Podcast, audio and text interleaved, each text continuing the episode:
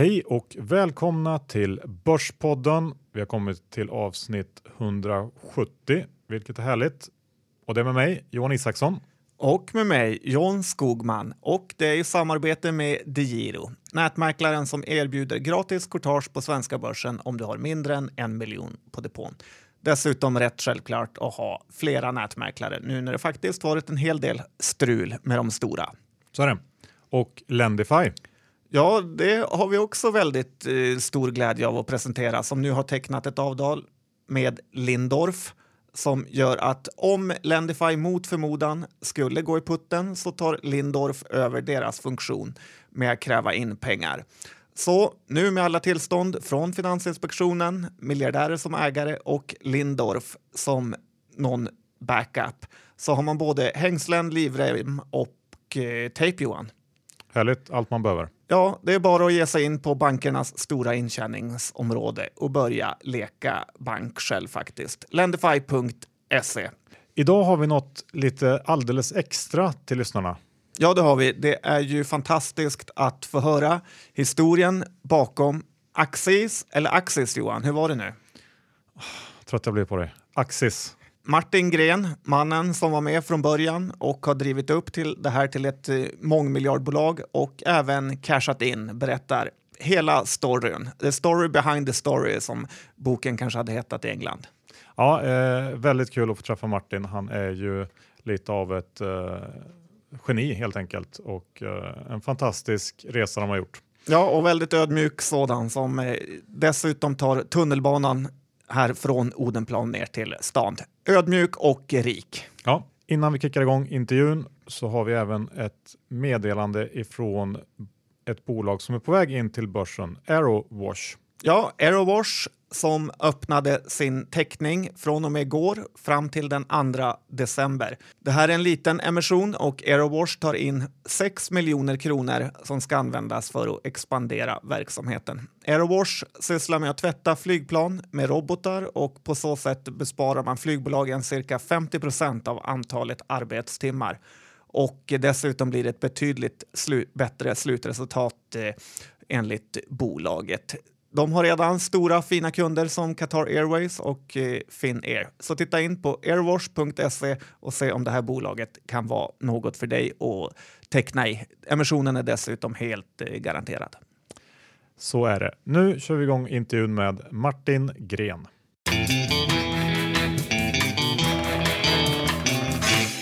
Välkommen Martin! Ja, kul att se er här. Vilka flådiga lokaler ni har. Ja, kul att du tycker det. Vad har du gjort idag? Idag så har jag haft en, äh, åkt upp ifrån Skåne och sen äh, hade jag en äh, lunch med Spotify. Okay. Är du investerad i Spotify? Nej, det är jag inte tyvärr. Vi tänkte ju, idag ska vi gå igenom hela resan som du har gjort med eh, Axis. Eller säger Axis. Axis? Vi är inte bilskatt. Förlåt, Axis, jag ska försöka komma ihåg det.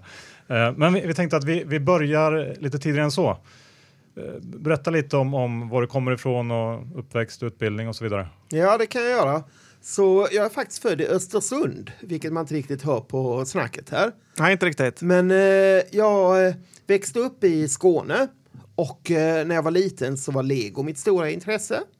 Sen när jag var ungefär tio så byttes lego mot elektronik som jag tyckte var kul. Jag byggde massa prylar. Och eh, sen vid ungefär 11 års ålder så bestämde jag mig för att eh, jag vill inte bli statligt anställd. Ja, det är bra att, val. Därför att mina föräldrar, de var lärare. Uh, min frus föräldrar är lärare. Min syster är lärare. Ja, ni förstår vad jag skulle bli. Men jag ville absolut inte bli statligt anställd, utan jag ville vara egenföretagare. Och sen hade jag ett bekymmer, och det var att jag var tvungen att finansiera det här intresset för elektronik. Det var en massa elektronikkomponenter som behövde köpas. Och det här var innan Ebay. Så att då fick man gå till elektronikbutiker och köpa komponent för komponent. Och det här kostade ju naturligtvis mycket mer än vad veckopengen var på. Så att eh, i alla fall, den första snilleblixten kommer att göra en ljusorgel. Vet ni vad det är för någonting? Nej, berätta. Jo, det är en grej som gör att eh, man kan ha spotlight som blinkar i takt med musiken.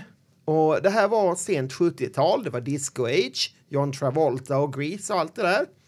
Och eh, det här sålde ganska bra. Och jag gjorde så att jag sålde det, först byggde jag en till mig själv Och eh, sen så eh, hade jag en eh, flickvän som fick en sån här som hon sen sålde. Och då insåg jag att det kanske är en marknad att sälja såna här. Och då började jag sälja det här genom mina klasskamrater. Eh, och jag gick, det var i högstadiet och i början på gymnasiet. Och det gick ganska bra då. Men då lär man sig också ett par saker därför att om du har dina klasskamrater som eh, återförsäljare och du är en liten kille med glasögon. Vad lär du dig då för någonting? Någon av er som kan komma på det? Johan är så lång så han vet nog inte vad du pratar om. Förskottsbetalt eller? Jag vet inte. Nej, men det man lär sig är att du måste hantera allihopa likadant. Därför att om du ger en bättre rabatt än den andra, då får du på flabben. Så går det till i gymnasiet. Och eh, det här var en väldigt viktig lärdom, så att jag hanterade alla eh, på samma sätt. Och eh, det fanns ju naturligtvis de som inte kunde sälja, men jag hade en kille som köpte komponenter till mig, jag hade en annan som bockade plåt och jag hade lilla syster hon etsade kretskort. Och det här blev en liten business som omsatte rätt så bra. Eh, men sen så eh, kom trean och discoeran var väl slut och ja, då slutade jag med det här. Och så började jag intressera mig för att bygga datorer istället.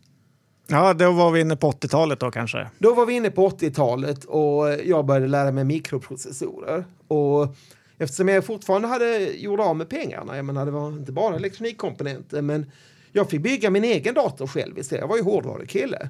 Så att eh, jag hade ju inte råd att köpa någon Commodore 64 eller så som alla kompisarna gjorde. Jag byggde en egen från scratch eh, på en Motorola-processor. Och då, det första man fick göra var att göra monitorprogram, sen fick man skriva en basic-tolk och eh, sen kom man in till C och jag byggde grafikkorten som man eh, fick fixa och allt sånt där. Så att det var så jag lärde mig det hela. Det låter ju ganska avancerat ändå. Det är ju ingenting man bara eh, snyter ur sig sådär. Nej, men jag tyckte det var kul. Och sen gjorde jag lumpen. Jag ser dåligt, så jag hamnade som malaj. Och på ett värnpliktskontor. Så jag satte en stämpel längst upp till högra hörnet på ansökan om anstånd med repmånad. Och det här arbetet tog cirka 10 minuter om dagen. Och resten av tiden så hade jag, höll jag mig väl med någon fanjunkare så jag fick en egen lokal att ha mina datorer i. Så att, eh, tack Försvarsmakten. Det var väldigt lärorikt att vara hos er. Okej, och, och sen eh, efter det då, då blev det universitet eller? Ja, då, då startade, då, då var det så att en kompis till oss, han satte ihop mig med en annan kille som heter Mikael Karlsson. Och så bestämde vi oss för att starta ett bolag ihop. För Mikael, han pluggade på Handels och jag började sen då plugga på LTH i Lund. Så vi startade ett handelsbolag och eh, vi hade en idé om att bli ett produktbolag. Och det här var så långt ifrån den tiden du kan, eh, man kan vara idag därför att den som startade eget, det var liksom när du inte kunde få ett riktigt jobb som städerska eller liknande. Då startar man eget. Så var det på 80-talet. Det är lite annorlunda än dagens entreprenörsklimat. Och, eh, men vi gjorde detta i alla fall, för vi trodde på det. Och så hade vi visionen att bli ett produktbolag. Så Mikael han hann läsa ut och bli färdig på Handels. Jag blev aldrig färdig på LTH. Så till min mors och framförallt mormors stora förskräckelse så fick jag aldrig någon examen. Tungt. Men vad var det ni sålde för något? Ja, vi sålde, det började med lite datakommunikationsprodukter eh, som vi gjorde mer eller mindre som konsultuppdrag. Och sen så byggde vi ett grafikkort till den gamla datorn ABC80, om ni kommer ihåg den. Och eh, vi fixade ju då så att den fick eh, eller ja, högupplösningsgrafik var väl ett relativt mått, men eh, ungefär samma grafik som en ABC800 sedermera fick. Och eh, sen kom då det som blev den första idén till en produkt och det var via Diab ute i Täby med Hargot Lindmark. Och där eh, fick vi då idén att eh, göra en eh, IBM-terminal-emulator till Luxors datorer. Och det här var på tiden när Luxor hade en annonskampanj Vem behöver vara IBM-kompatibel? Och den som behövde det var ju Luxor, mer än någon annan. Och det vi gjorde det var ju att göra så att Luxor-datorn kunde fungera som en terminal mot IBMs stordatorer. För det hade alla på den tiden, alla banker, alla större företag. Och eh, det gjorde ju, var ju så IBM PC hittat till storföretagen. Och det här gjorde vi då till Luxor och vi gjorde det även till Telia. Det var väl antagligen lite för sent, men vi lärde oss en viktig teknologi. Och det var så vi fick idén till det som blev vår första produkt, nämligen skrivarserver för IBM stordatorer. För då kunde vi ta den här terminalteknologin och modifiera den och göra den för skrivare. Ja, för det var så Axis började. Så att det var, och, då, på den här tiden hette vi Gren och Carlson Firmware efter mig och Mikael. Men eh, när vi då kommer på det här med att vi ska ansluta skrivare till stordatorer, då, eh, då insåg vi också det att ingen av oss hade väl egentligen säljerfarenhet. Jag menar, jag hade sålt mina ljusorglar Och eh, Mikael, han var ju business administration från Handels. Han kunde ju teorin, men han visste ju inte praktiken.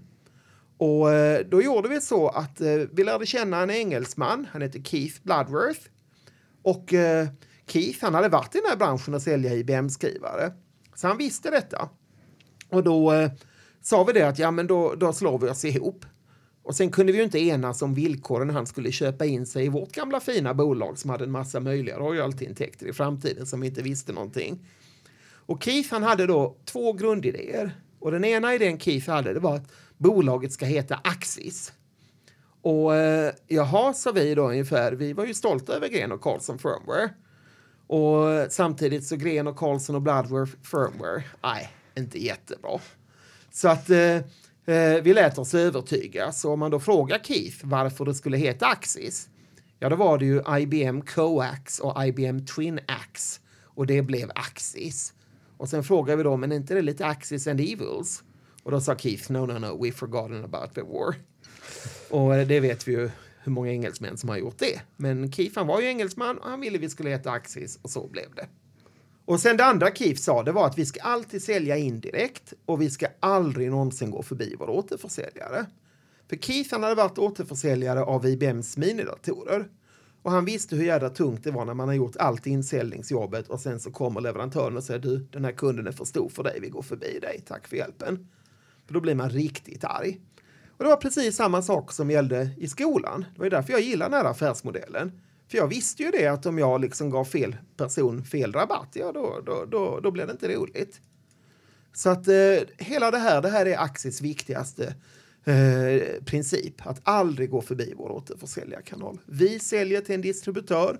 Distributören säljer till en återförsäljare som säljer till en slutkund. Ja. Och detta är så långt ifrån internetförsäljning du kan komma kan man säga. Ja, det är väldigt spännande. Vi måste ju också lära känna dig lite mer här innan vi går in på själva Axis-storyn. Axis-storyn. Tungt det där att lära sig. Axis. Ja, man kan lära. Det är inte för sent att Nej, lära är inte gammal för hund att sent. sitta. Nej, under den här intervjuns gång så tror jag att vi kommer att lära oss. Vi börjar direkt John. Ja, fråga nummer ett. Har du skrivit din egen Wikipedia-sida? Eh, nej, det har jag inte. Jag var inne och läste på den igår och det var nog en av de mest positiva jag någonsin läst. Jag tänkte det är, den skulle jag också vilja ha med själv. Jaha, vad trevligt. Då måste jag läsa den jag också. Bästa resmål i världen? Ja, det varierar ju väldigt mycket, men jag älskar ju Japan och även Australien tycker jag är ett väldigt trevligt land att vara i. Vad gör du om tio år? Det har jag inte en aning om. Vilken kontinent tror du har bäst framtid? Det var en intressant fråga. Ja, det borde ju ändå vara Asien. På grund av befolkningen, Ja, mängden eller? befolkning och många länder har ju bra utbildningssystem där borta. Och eh, jag tror ändå att det är tillväxt eh, som är relativt sunt. Vissa länder har ju för mycket korruption och så. Men eh, det är väl de asiatiska länder som har, eh, inte har för mycket korruption som jag tror kommer att bli bra. All right. Vilken är din sämsta affär någonsin? Eh, det var när jag investerade i eh, Lone Star Steakhouse and Saloon och de gick i konkurs. Och det kunde man ha räknat ut för de hade inte någon restaurang i Texas. Varför investerar du i, den? Ja, Jag har alltid investerat i diverse snabbmatsbolag. Det började med Starbucks. Eh, Jag, jag tycker nämligen om amerikansk kaffe. Eh, Och eh, jag ville egentligen in i Dunkin Donuts, men Starbucks, de var privatägda. Men Starbucks gick till börsen och jag tror de 16-dubblades under tiden jag hade dem. Grattis! Ja, jag gick in sen Dunkin Donuts gjorde IPO för en tre fyra år sedan och ja, de har väl dubblat sen dess. Man får vara nöjd med det lilla. Men Okej. som sagt, Lone Star Steakhouse gick i konkurs och eh, ja, det var några till som inte gick så bra heller. Nej, man kan inte alltid ha rätt. Vilken ny teknik ser du mest potential i? Ja, alltså det är ju, jag tror ju fortfarande att eh, det kommer hända väldigt mycket mer med, med cloud. Ja, man ser ju all dataanalys man kan göra. Jag tror att eh, det har bara börjat. Också att mycket inom fintech kommer att fortsätta. Där finns väldigt mycket. Det är ju, finansmarknaden är ju inte särskilt effektiv egentligen. Om du får välja på e-krona, guld eller bitcoin, vad väljer du då? Ja, det beror ju på hur lång sikt, men eh, fasken om inte guld är det i så fall man ska ha.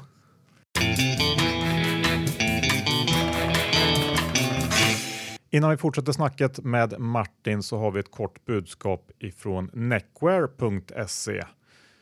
På Neckwear där kan du köpa massor av skjortor, slipsar, flugor, ja helt enkelt alla typer av accessoarer du kan tänka dig. Och det fina med Neckwear det är ju att de har väldigt snabba leveranser, personlig service och alltid fri frakt. Du har testat det själv? Det har jag. Jag var väldigt nöjd med den upplevelsen så jag kommer fortsätta köpa därifrån. Och det här är väl helt perfekt nu i julklappstider. Neckwear.se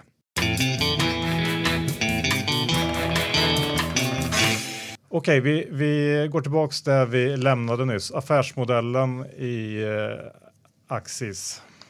Hur den är viktig förstår jag för dig. Ja, den är eh, allting. Eh, och det, det är så vi har byggt upp oss väldigt mycket så att den här affärsmodellen, den är ju intressant då för att den för med sig en annan sak och det är företagskulturen. För företagskulturen är enormt viktig för oss på Axis. Och eh, den är, kan man säga, en liten spegel utav affärsmodellen. Och vi är uppbyggda på att vi har tre stycken core values. De heter eh, Always Open, betyder att vi jobbar alltid med öppna standards. Vi är alltid öppna om vad vi håller på med, sitter inte på hemligheter mot varandra. Eh, vi har något som vi kallar för Act as One, som innebär att alla ska hjälpas åt och jobba ihop och ha integritet. Och sen har vi till sist en som heter Think Big, att vi ska hela tiden tänka skalbart, både i affärsmodell men också i hur vi bygger våra produkter och konstruerar våra system. Och de här kärnvärdena har vi försökt etablera i, eh, inte bara i Lund utan också på våra dotterbolag. Och det gör att man känner sig verkligen hemma om man kommer till ett kontor som ligger långt borta någonstans. Och det gör att det hela fungerar mycket bra ihop. Hur många kontor har ni? Vi har eh, mellan 40 och 50 eh, kontor runt om i olika länder. Och vi lärde oss vikten av det här därför att som alla svenskar så började vi i USA. Vi var smarta nog att lägga första kontoret på östkusten. Jag ville egentligen att det skulle ligga i Silicon Valley såklart. Men det var ju för jag var eh, ung och grön. Det hade jag aldrig gjort idag. Det är väl typ det svåraste stället att lägga ett kontor på skulle jag tro. För konkurrensen eller? Ja, det är hög konkurrens, det är svårt att rekrytera folk, det är dyrt och det är långt borta. Nio timmars tidsskillnad, det är jättejobbigt. Till Boston är det bara sex timmar. Men det här första kontoret vi byggde upp i Boston, de fick en helt egen kultur. Och då tyckte vi att ja, men såna är de ungefär i USA. Och vi tyckte att nu ska vi ha respekt för hur de är som eh, deras kultur och vi skulle vara på vårat sätt. Men det funkade ju inte. Och sen satte vi upp istället i Tokyo och eh, där Mikael, han eh, bosatte sig i Japan ett tag. Och vi åkte dit väldigt mycket. Och den här kulturen då som vi byggde upp i Tokyo-kontoret, den reflekterar ju väldigt mycket mig och Mikael.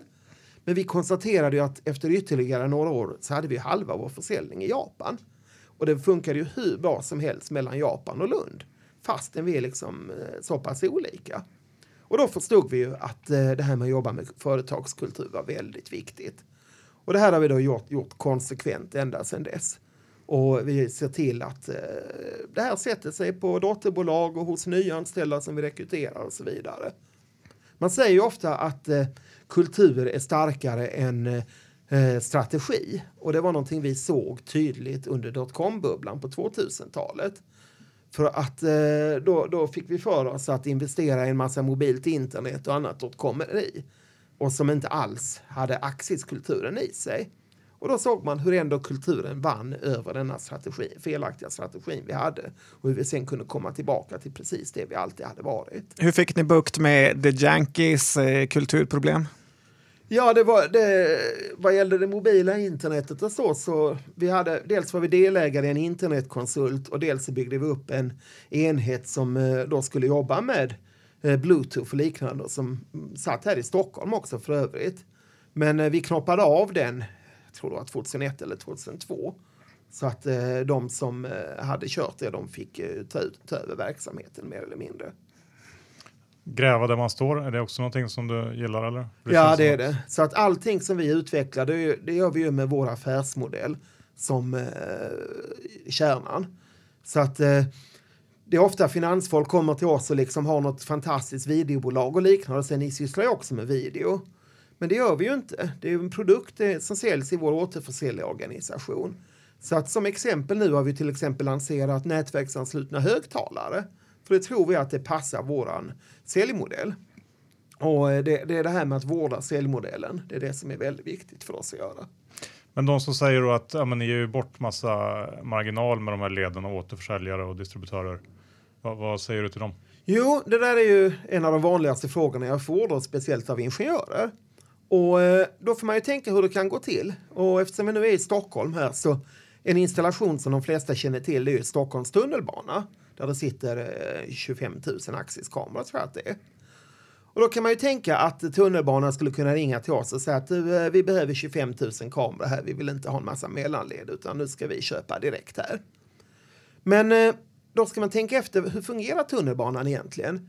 Jo, det är ju inte kameror i sig de vill ha. De vill ha ökad trygghet och säkerhet. Och då har de gått till en konsult som har sagt att om ni sätter upp en massa kameror i tunnelbanan så blir den antagligen säkrare. Och fler åker och så kan ni räkna hem det på det viset. Och då har den här konsulten föreskrivit att ja, på Odenplan ska det sitta 39 kameror och det ska vara den där typen av kameror där man inte spesar tillverkare men man spesar egenskaper. Och så ska de sitta där och där och där. Och så har de gjort det här över hela tunnelbanenätet. Sen har då tunnelbanan gått på offentlig upphandling och har den här underlaget då för hur de vill ha det. Och eh, i det så står det ju då att ja, då ska det köpas kameror. Men hur är det på en tunnelbana? Ja, det är ju avstånd. Man behöver en massa sladd. Eh, du behöver switchar, du behöver routers, du behöver PCs, du behöver mjukvara. Eh, du behöver kameror av olika modeller. Och hur är det sen när man installerar dem? Ja, du kan ju inte installera alla kamerorna på en gång. Du börjar med Odenplan och sen tar du T-centralen och sen tar du Liljeholmen. Och då ska ju grejerna komma dit i rätt tid. Och det ska helst komma innan installatörerna kommer. Och vem är då bäst på att se till att alla prylar kommer i rätt tid? Jo, det är en firma som tycker att logistik det är det roligaste som finns. Och den kallas för en distributör. Och sen så, hur vill tunnelbanan ha det? Vill de då ringa till alla de där, liksom din sladd är sönder, din kamera är sönder, din server här funkar inte. Eller vill de bara ha att de har en integration som säger du, det är sönder här, det funkar inte på Odenplan, vi måste fixa det. Och då är det en firma som tar ansvar för detta. Och det är klart att det är så tunnelbanan vill ha det. Så att eh, det är på det viset som det här visar liksom affärsmodellen. Vi synliggör då kostnaden för distribution och vi synliggör kostnaden för integrationen. Men totalt sett så är det ju ganska självklart att om ett bolag som är specialist på distribution, han är antagligen effektivare på att distribuera än vad jag är. Kan, det, det, är det som gör att det makar sense. Kan du se andra bolag som du stör dig på som borde valt er modell istället för att köra sin egen? Ja, alltså det är, tack och lov så är de flesta av våra konkurrenter inom kamerabranschen, de, de har multipla modeller. Så att eh, vi hade en gång, det var en upphandling på eh, Bostons flygplats Logan på en av terminalerna. Och det var ju därifrån 9-11-bombarna flög. Och fyra eller fem år efter 9-11 så kom man på att man skulle uppgradera kamerasystemet. Och eh, då var vi, via några integratörer, så bjöd vi på dealen. Och Sony, de var också med och bjöd på dealen via en integratör. Men sen så kände Sony att affären höll på att rinna dem ur handen och då säger de till flygplatsen att eh, ja, vi, eh, vi kan tänka oss att ta det här direkt. Vad tror ni då den här integratören som hade, hade budat med Sony sa? Ja, det första som hände var att han ringde till oss. Hej, jag vill bli aktieåterförsäljare. Jag vill aldrig, aldrig, aldrig mer jobba med Sony. Och eh, flygplatsen förstod ju sen till slut att det går ju inte att köpa direkt av Sony. Och så blev det aktiekameror. Och det här är ganska typiskt på hur den här affärsmodellen fungerar. För den skapar väldigt mycket lojalitet. Och hur enkel den är så är den jättesvår att kopiera. Därför allting bygger på att man har förtroende. Men Axis har ju gjort sig kända med nätverkskameran. Ja. Var, varför blev det just den? Jo, eh, som jag eh, började innan så den första produkten var ju skrivare för IBM stordatorer. Och det är ju ganska långt ifrån nätverkskameror. Eh, sen gick vi från skrivare för nätverk så skulle jag bygga Axis eh, första chip. Och då kom jag i kontakt med Suns arbetsstationer. Och Sun de hade taglinen The Network is the computer. Och jag bara tyckte det var helt fantastiskt att jobba med riktiga nätverk som Sun var. Och sen hade jag ju då kompisar som jobbade med novellnätverk. Och novellnätverken de tyckte jag var mest en hackerprodukt. De funkade bra så länge man hade 250 datorer. Men så fort det kom över 250 så var det bara kört. Det var lapptecken för att få ihop det. Medan TCP/IP, det skalade ju fantastiskt. Det kunde ju bli hur stort som helst. Så att eh, vi hade, jag tror det var en av eh, Sveriges fem första internetlinor hade vi till Axis i Lund. Alltså utöver universiteten då som hade Sunet. Eh, har jag till och med för mig att Niklas Hennström var med och sålde den när han jobbade på Tele2. Jag är inte helt säker på detta. Eh, men vi fick i alla fall internetmail och internetdomän i ett väldigt, väldigt tidigt skede. Och då inser jag ju såklart att det fanns ju inga produkter för att koppla skrivare hit. Så eh, då gick vi över från IBM skrivare till nätverksskrivare. Det här var ju också en tid då alla kunde läsa i tidningen om att stordatorn var död. Här har vi startat ett bolag, vi blev ungefär 50 man på det, på att sälja de här IBM stordatorskrivarna. Men alla sa ju att stordatorn var död. Och då fattar ju vi att vi måste innovera hela tiden. Och när vi då kom upp med den här idén att ja, men låt oss bygga nätverksskrivare istället. Eh, så eh, Eh, det var inga problem att övertyga min kompanjon Mikael. Han älskar alltid nya idéer. Så att eh, jag drog igång ett litet team där med några exjobbare och anställde dem med en gång. Och sen så fick vi då vår första skrivarprodukt för nätverk. Sen lärde man sig då att de här återförsäljarna vi hade, då tänkte jag att det är bara att sälja genom dem. Och vi hade en eh, återförsäljarkonferens och jag säger ja, nu ska vi ha utskrift för TCP/IP. TCP vadå, sa de. Och det var ju tyvärr inte så många som klarade den här övergången. Men eh, vi behöll samma eh, återförsäljarmodell och menar att det sen blev nya typer av distributörer som var mycket mer volymorienterade istället för de här kanske mer agenterna som vi hade innan. Så affärsmodellen var densamma och eh, det här gick jättebra. Så att vi var ju, vi var sist in i branschen för eh, IBM-skrivare och vi slutade som nummer två. Eh, nummer ett, det var en dansk firma. Eh, den danska firman hette iData. Och iData, om ni tittar på historia, så var det, de gick till börsen i Köpenhamn. Huvudägaren då, Nils Bjerregård, eh, vars syster för övrigt, Ritt Bjerregård, har varit överborgmästare i Köpenhamn. Nels i alla fall, han sålde firman typ 97 någonting till en kille som satte det på börsen. Och det kom med i KFX 16, det Danmarks mest, eh, 16 mest värdefulla bolag. Och ett halvår senare gick det i konkurs. Eh, och det var någon, någon form av som gick fel där. Under den tiden köpte han en fransk firma som var nummer tre. Eh, fransmannen, han köpte sig ett fint chateau på Rivieran.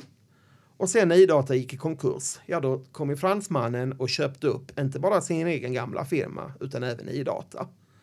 Och det var ganska roligt. Så han som blev den riktiga vinnaren. Eh, men då hade vår nätverksskrivarsatsning redan blivit mycket större än Idata så att vi hade liksom lämnat den branschen.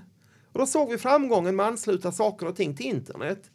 Så vi skapade något vi kallade för Thin Server Technology och som var en teknologi för att ansluta diverse prylar till eh, nätverk. Och det var alltså precis som IoT är idag, bara det att det var för 20 år sedan. Och så tog vi först fram en storage-produkt där vi gjorde nätverksansluten eh, storage. Och eh, där anställde jag en projektledare. Som Vad menas med storage? Alltså hårddiskar.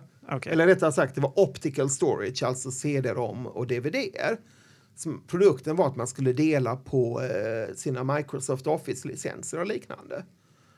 Eh, men det blev ju nätverksstorage. Och här anställde vi Ray eh, som projektledare. Och när jag bestämde mig för att lämna storageenheten för att starta kameran, ja då fick Ray bli divisionschef. Och idag är han ju vår vd sedan många år tillbaka. Uh, och ja, lite grann så var det. Så vi anslöt allt möjligt till nätverk. Och sen blev det av en invigelse så kom vi på att eh, genom en affärsresa till Japan och en av våra ingenjörer som heter Kacke så kom vi på att eh, vi kanske skulle göra nätverksanslutna kameror. Och så gjorde vi det. Det känns som att ni väldigt tidigt var, var internationella. Ja. Var det någon tanke bakom det? Eller ja, det var det. Mikael, han, eh, han, men, han ville ju från första början att eh, vi skulle bli internationella med en gång. Och eh, det, det, hade ju absolut inte jag någonting emot heller. För att det är ju ändå så att Sverige är en ganska liten eh, marknad då, vi pratar ett konstigt språk och så har vi problem med isbjörnar på gatorna. Så man måste tänka lite större. Och eh, när vi då hade träffat Keith så eh, han tyckte ju ännu viktigare det här med internationellt. Han var ju engelsman. Så att eh, vi bestämde oss då för, eh, till KIFs då, för att eh, vi skulle se Tyskland som vår hemmamarknad. Och det här var ju till och med Västtyskland. Och eh, vad var logiken i det då? Jo, det var ju att eh, England det var ju uteslutet eftersom Keith var engelsman. Eh, Sverige, det ville vi inte heller ha för vi ville lära oss det här med att hantera folk på distans och den kvaliteten det kräver och så. Och då var Tyskland en ganska bra kompromiss för att Danmark, ja det vet vi alla hur svårt det är att göra affärer där. Så det behöver vi kanske inte prata så mycket om. Nej, ring med ekonomen. Ja, precis. Va? Du, du har säkert andra exempel. Eh, så att eh, vi, vi, sa, vi sa Tyskland och vi jobbade mycket med det och Tyskland är en stor marknad. Eh, den är lite annorlunda kulturellt mot Sverige, men inte jättemycket. Och sen hade vi flyt, för vi fick tag på två jätteduktiga killar som bodde en bit utanför Frankfurt och som gillade våra produkter och som satsade på det.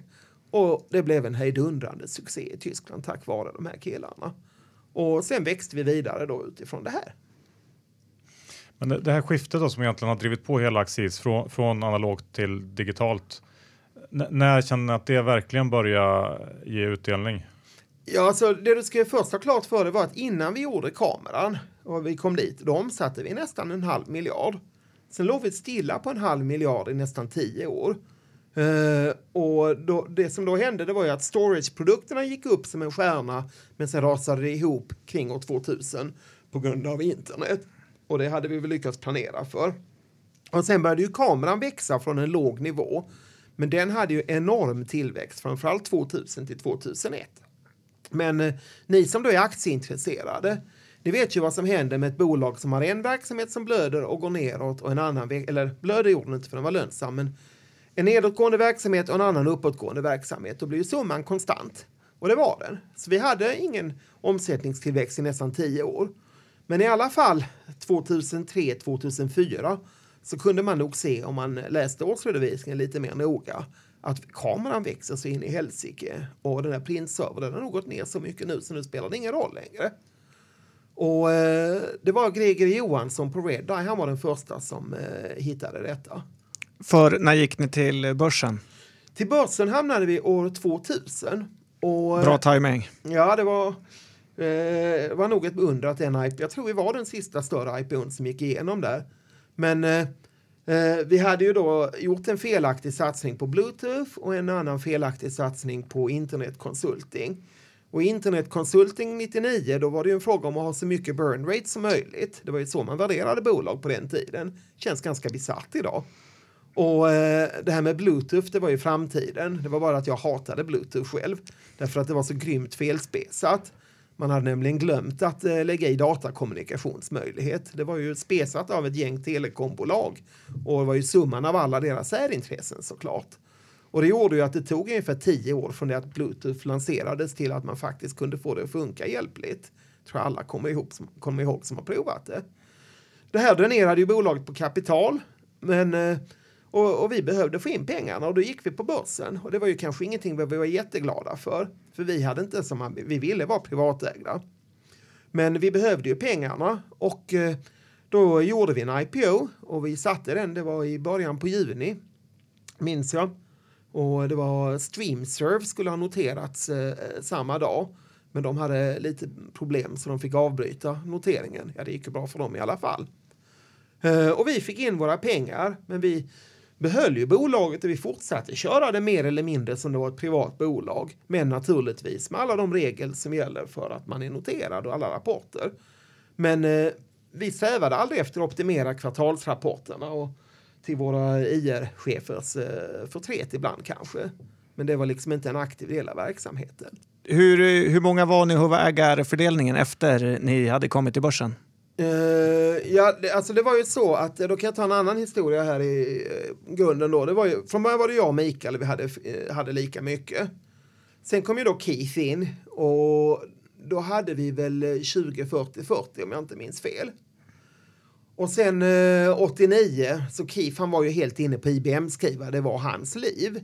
Eh, så att Mikael köpte ut Mikael då, eh, eller Mikael köpte ut Keith jag tror det var 89. Men Men så tog vi också in en eh, extern delägare och det var väl i ett läge där vi egentligen inte behövde pengarna, men vi behövde kompetens i styrelsen. Vi var ju 22 när vi bildade bolaget. Och eh, vi tog pengarna från han som betalade minst och eh, det var eh, en kombination av industrivärden och promotion. Det var Dag Tigersköld och Bo Söderberg. Och eh, Dag Tigersköld och hans son Patrik kör ju Bure idag och är väldigt god vän till mig. Och Bo Söderberg, han kom då från Industrivärden-gruppen och eh, kom, eh, ja, han blev vd för Fermenta, eh, kommer jag ihåg, och Föreningsbankernas bank. Men eh, den här posten i alla fall, den eh, köptes sen ut av Tigersköld och eh, deras kompanjoner, BBT, Christer Brandberg, Johan Björkman eh, och Dag Tigersköld. Och så hade de den posten då först i Scanditech, sen gick den in i eh, Bure. Och eh, de hade ett antal eh, bolag ihop. Mycronic var väl ett av dem. Och sen skulle de då dela upp det här för de, eh, de var inte jättekompisar. Och då slutade det med att eh, Christer Brandberg fick aktiesposten och eh, Bure och Patrik behöll då Mycronic. Och eh, så att eh, Christer, och då, den här posten den var ju med hela tiden, det hände ju ingenting med den. Utan den vandrade igenom, men det var ju samma personer som satt i styrelsen. Så det började ju med att det var Dag Tigersköld och sen kom Johan Björkman in och sen kom Patrik Tigerskjöld. in. Och sen när den då flyttades över hos Christer Brandberg, och då kom, det, då kom hans son Gustav in i styrelsen som var väldigt duktig. Har det varit några bråk under tiden med ägargrundarna och så vidare? Nej, vi, vi har ju hållit ihop rätt så väl. Det var ju Kif, han lämnade ju då 89. Men eh, det skedde under rätt så bra form, former tyckte jag. Och jag och Keith är fortfarande goda vänner. Och eh, den första gången jag visade honom kameran då sa han att ja du Martin, du brukar tänka ut bra grejer, men eh, den här gången har, har du faktiskt fått det fel. Och eh, det var på en Hannover-mässa i Cebit. Men ett halvår senare så blev han ortsförsäljare till oss. Så, och, vad gör han idag? Uh, han driver ett bolag inom kamerabranschen som integrerar ihop kameror med andra typer av alarmsystem. Och det, det är något som kallas för PSIM för de som är nördiga inom kamerabranschen. Vi var inne lite på det här tidigare, men man kan ju säga att ni var ett väldigt tidigt IoT-bolag egentligen, eller är fortfarande. och det är ju väldigt hett nu. Men många kanske inte riktigt lever upp till, till, till namnet egentligen, utan mer använder det i någon slags hås försök. Men, men vad ser du i den framtiden? För att det är ju väldigt mycket snack om det just nu. Vad tror ja, du om? Jag, jag tycker ju alltid att när man kan läsa liksom på kvällstidningarna om en trend, va, då, då, då, då är det nog förbi. Jag såg en McKinsey-rapport som sa att, eh, jag kommer inte ihåg, jag tror att 2020 skulle 70 procent av världsekonomin vara IoT.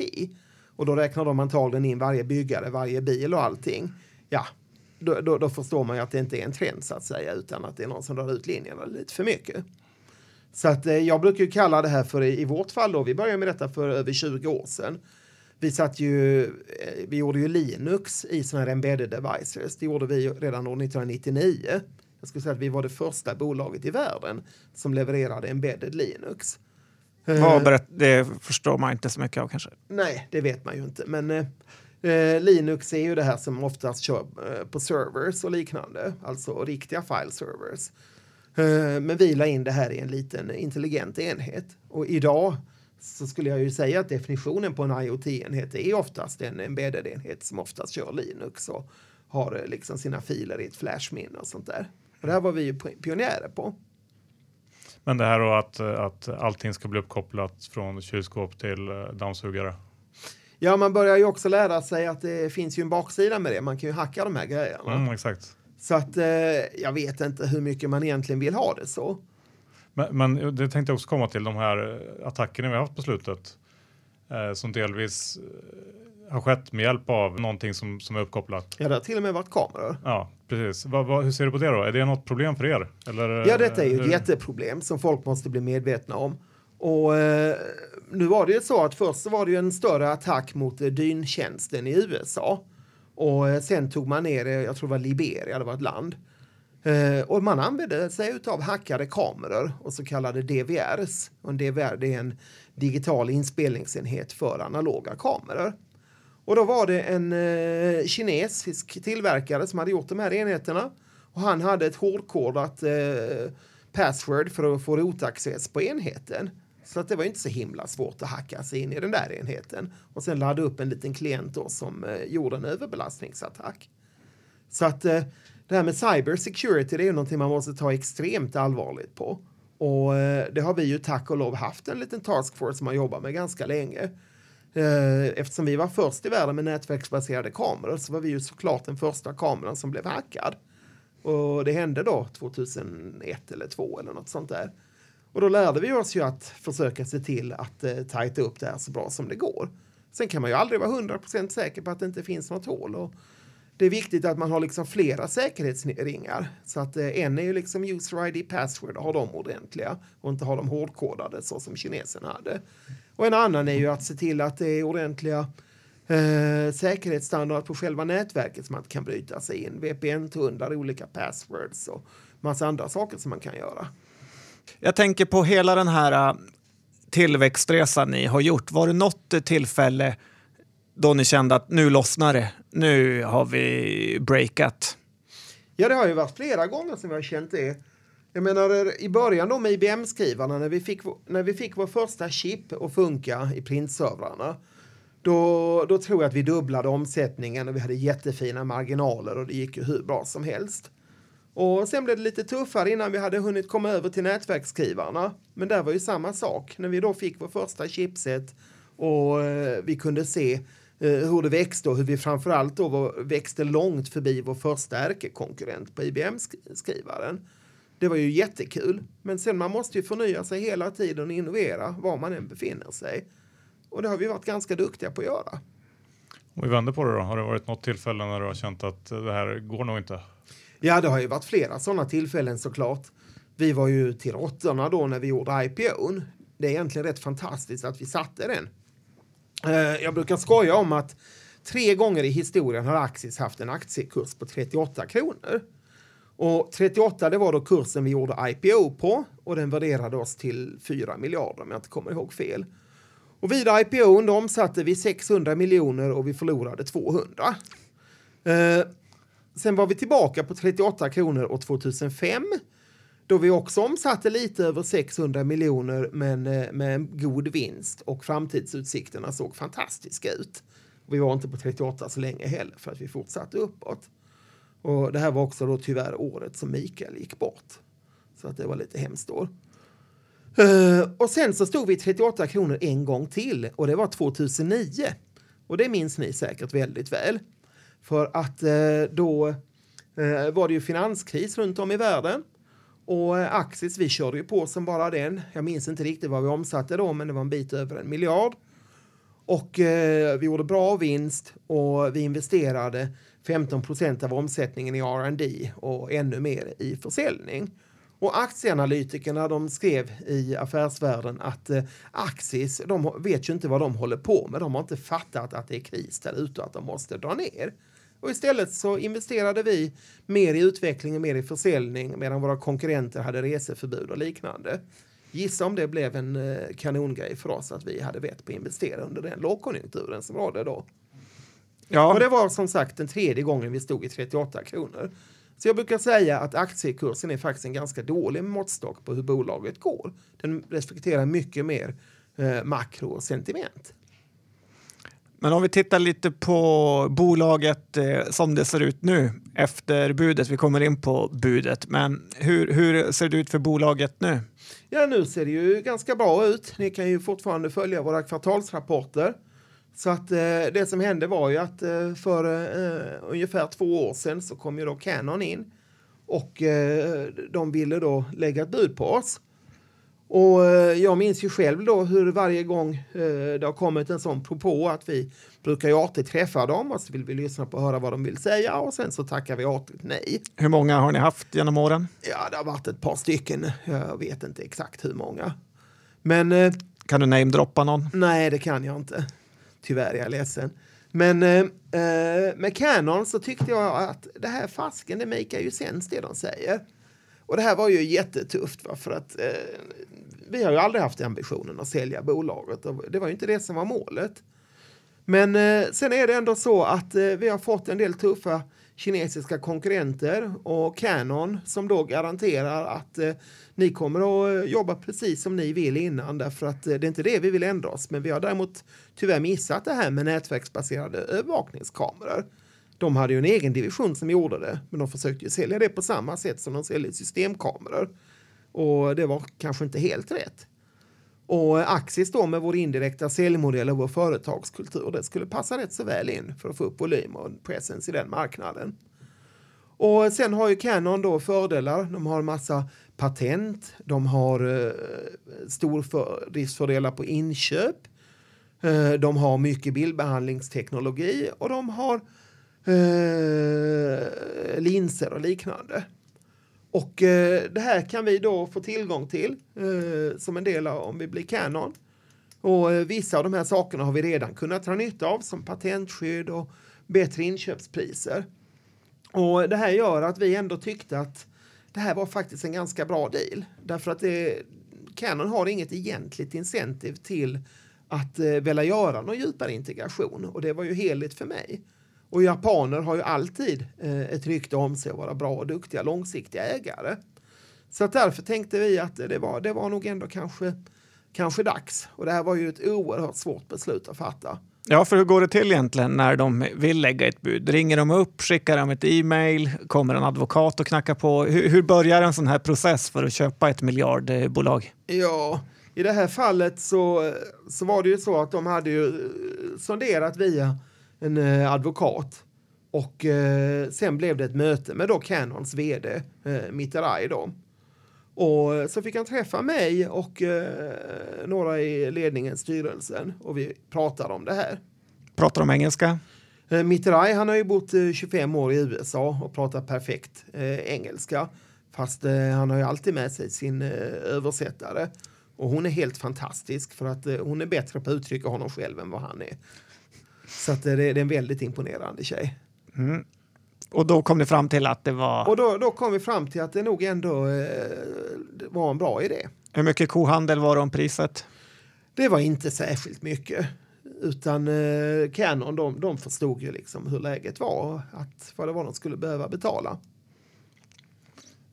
Spelar det någon roll att det var japaner? Det känns ändå som att ha en liten förkärlek till Japan. Ja, för mig var det ju väldigt viktigt. Eh, alltså, jag hade ju inte vågat sälja till några amerikanare, det tror jag inte. Ja, intressant. Varför blev Axis så stora i Japan? Eh, nej, men vi, vi var ju medvetna. Det, var- det var ju så att vår an, vårt andra dotterbolag, det etablerade vi i Japan. Vi hade ju, när vi ba, började så år två tror jag vi hade 70 procent av vår försäljning på export, företrädesvis i Västtyskland. Och eh, kring mitten på 90-talet då hade vi mer än hälften av vår försäljning i Japan. Både jag och Mikael var väldigt intresserade av Japan och tyckte det var härligt att, att vara där och besöka det. Och eh, ja, det, det, produkterna passade där.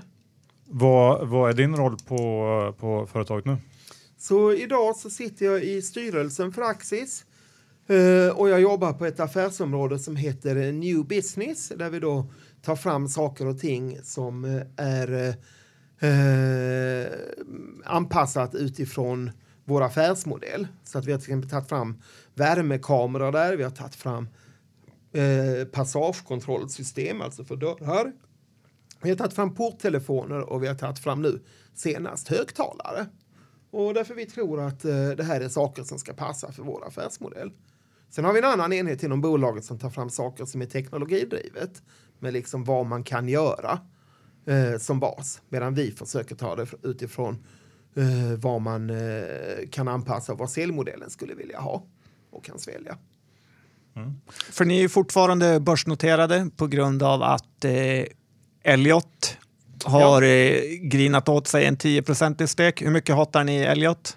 Nej, alltså det, det är en love-hate relationship. Eh, Elliot, de, de står ju för det de står för. Och eh, det var ju de som var, tog eh, argentinska statsväxlar eh, och eh, tog en corner i dem.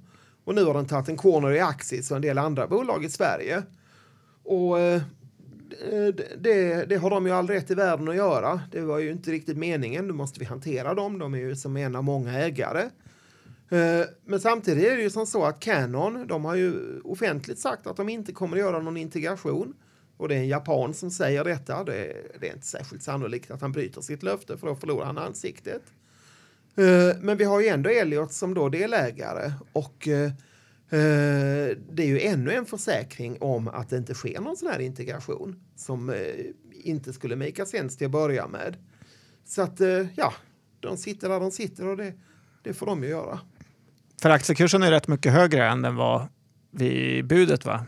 Ja, den, den rörde sig lite konstigt i somras, men eh, sist jag tittade så var den kring 340 igen. Men eh, den var ju uppe mot 400 spänn där några dagar i, i sommar och det, det har jag faktiskt ingen anledning av varför den var där. Nej, så kan det vara ibland på börsen. Om, om vi tittar lite mer på... Det kanske var John som handlade. kan ha varit. Jag vet inte. På, på entreprenörskap generellt och kanske lite riktat mot våra, våra yngre lyssnare eller äldre för den delen som, som eh, är sugna på att starta bolag.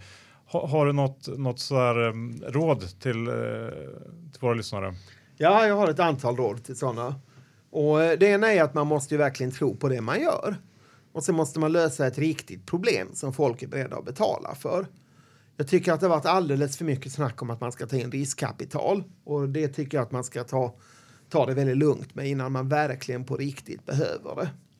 Utveckla det då lite. Hur, hur varför och vad, vad kan gå snett?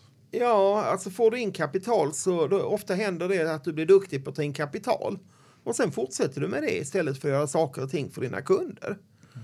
Och eh, det, det, så vill man ju inte bygga upp ett bolag. Men ska man ta in kapital då ska du verkligen ha en solid och bra plan för hur du gör någonting med det. Uh, sen en annan viktig egenskap eh, eller, som jag tror på det och som vi lärde oss det var att jag, Mikael och Kifi var ganska o, olika som individer. Och det tror jag faktiskt var en nyckelfaktor för framgången.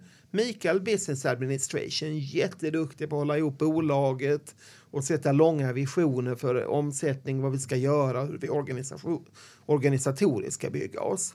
Och jag då som brann för produkter och initialt så var det jag som byggde dem och sen kanske det blev mer jag som spesade dem. Och sen Keith då, liksom med det här distributionssäljtänket som vi sen då har liksom gått vidare med hela tiden och som är den röda tråden i bolaget. Och det här tror jag är en viktig lärdom. Var några stycken var inte för lika. Det här med som Warren Buffett säger att man inte ska satsa på teknikbolag för att eh, utvecklingen går så otroligt eh, fort. Vad tror du om det? Nej, men alltså det gäller ju att satsa på rätt sorts teknikbolag. Det, det, finns ju de som är liksom notoriska kassabrännare, men sen finns det ju de också som verkligen vet hur man gör när man tar in pengar och kan bygga någonting. Så att, eh, ja, det är lite för generellt att säga så tycker jag. En annan grej jag tänker på det här svenska, lite av teknikundret vi har inom mobiltelefoner, det är fingeravtryck, det är, ja, vad, vad ligger vi långt fram? Eller är det en aktiebubbla vi ser i Sverige för att det är så god eh, tillgång på kapital? Nej, alltså jag tror att vi ligger ganska långt fram i Sverige. Vi har ju många world class-bolag. Eh, jag menar framför allt här i Stockholm. Men eh, även nere i Skåne eh, finns, det, finns det gott om fina bolag. Så att, eh, och Göteborg också för den delen då med Fingerprint. Så att eh, någon bubbla tycker jag inte det är. Sen så lägger jag inga värderingar på aktiekurser och så. Det, det får marknaden sätta. Om, om du skulle starta ett nytt bolag idag, eh, vad skulle du satsa på?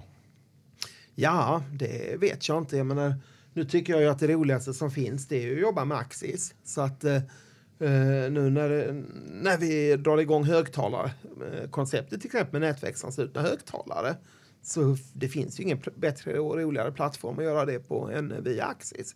Kommer det vara bättre än Sonos? Nej, det kommer det inte. Uh, därför att vårt fokus är ju helt och hållet på uh, liksom mer industriella tillämpningar. Shoppingmalls, butiker, flygplatser, järnvägsstationer.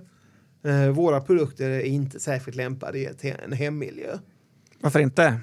Ja, de går ju att använda, men eh, det, vi gör ju en design mer som är liksom retail-orienterad. Att du har innertak som man kan göra ceiling mount speakers i. Och det är kanske inte riktigt så som ett normalt svenskt hem ser ut. Du har inte sett Johans pimpade villa i Bromma?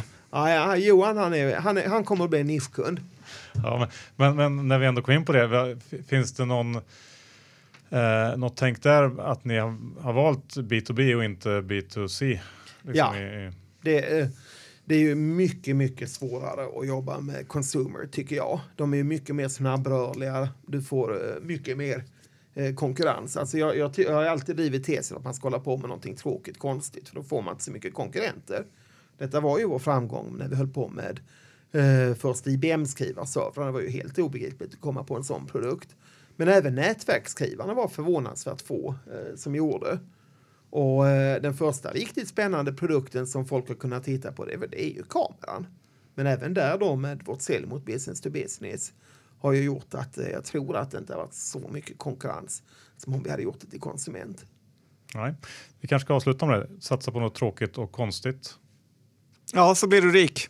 Ja, Om du har tur. fast det, du kan inte ha det som mål när du startar bolag, för då, då kommer det att gå fel. Utan du ska ha som mål att göra någonting som du brinner för och du tycker är roligt och som du vet att det finns en marknad för. Precis så John. Aj då, då får jag börja om igen. Ja, Martin, stort tack för att du tog dig tid att komma till Börspodden. tack själva. Tack, tack.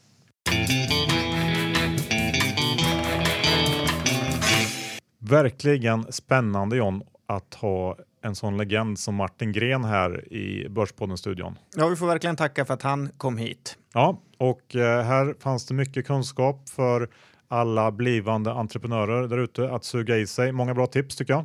Ja, att man inte ska starta företag för att eh, bara tjäna pengar. Jag är lite tveksam till den tipset dock.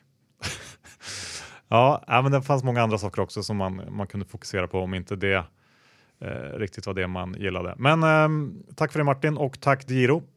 Ja, det är väl eh, inte så mycket mer att säga om Diro. Ni är en av de stora nu och ni har många svenskar som kunder. Bra jobbat! Så är det. Och Lendify, gött att de har eh, Lindorf med på eh, banan. Ja, hängslen, livrem, tejp, silvertejp, eh, häftstift.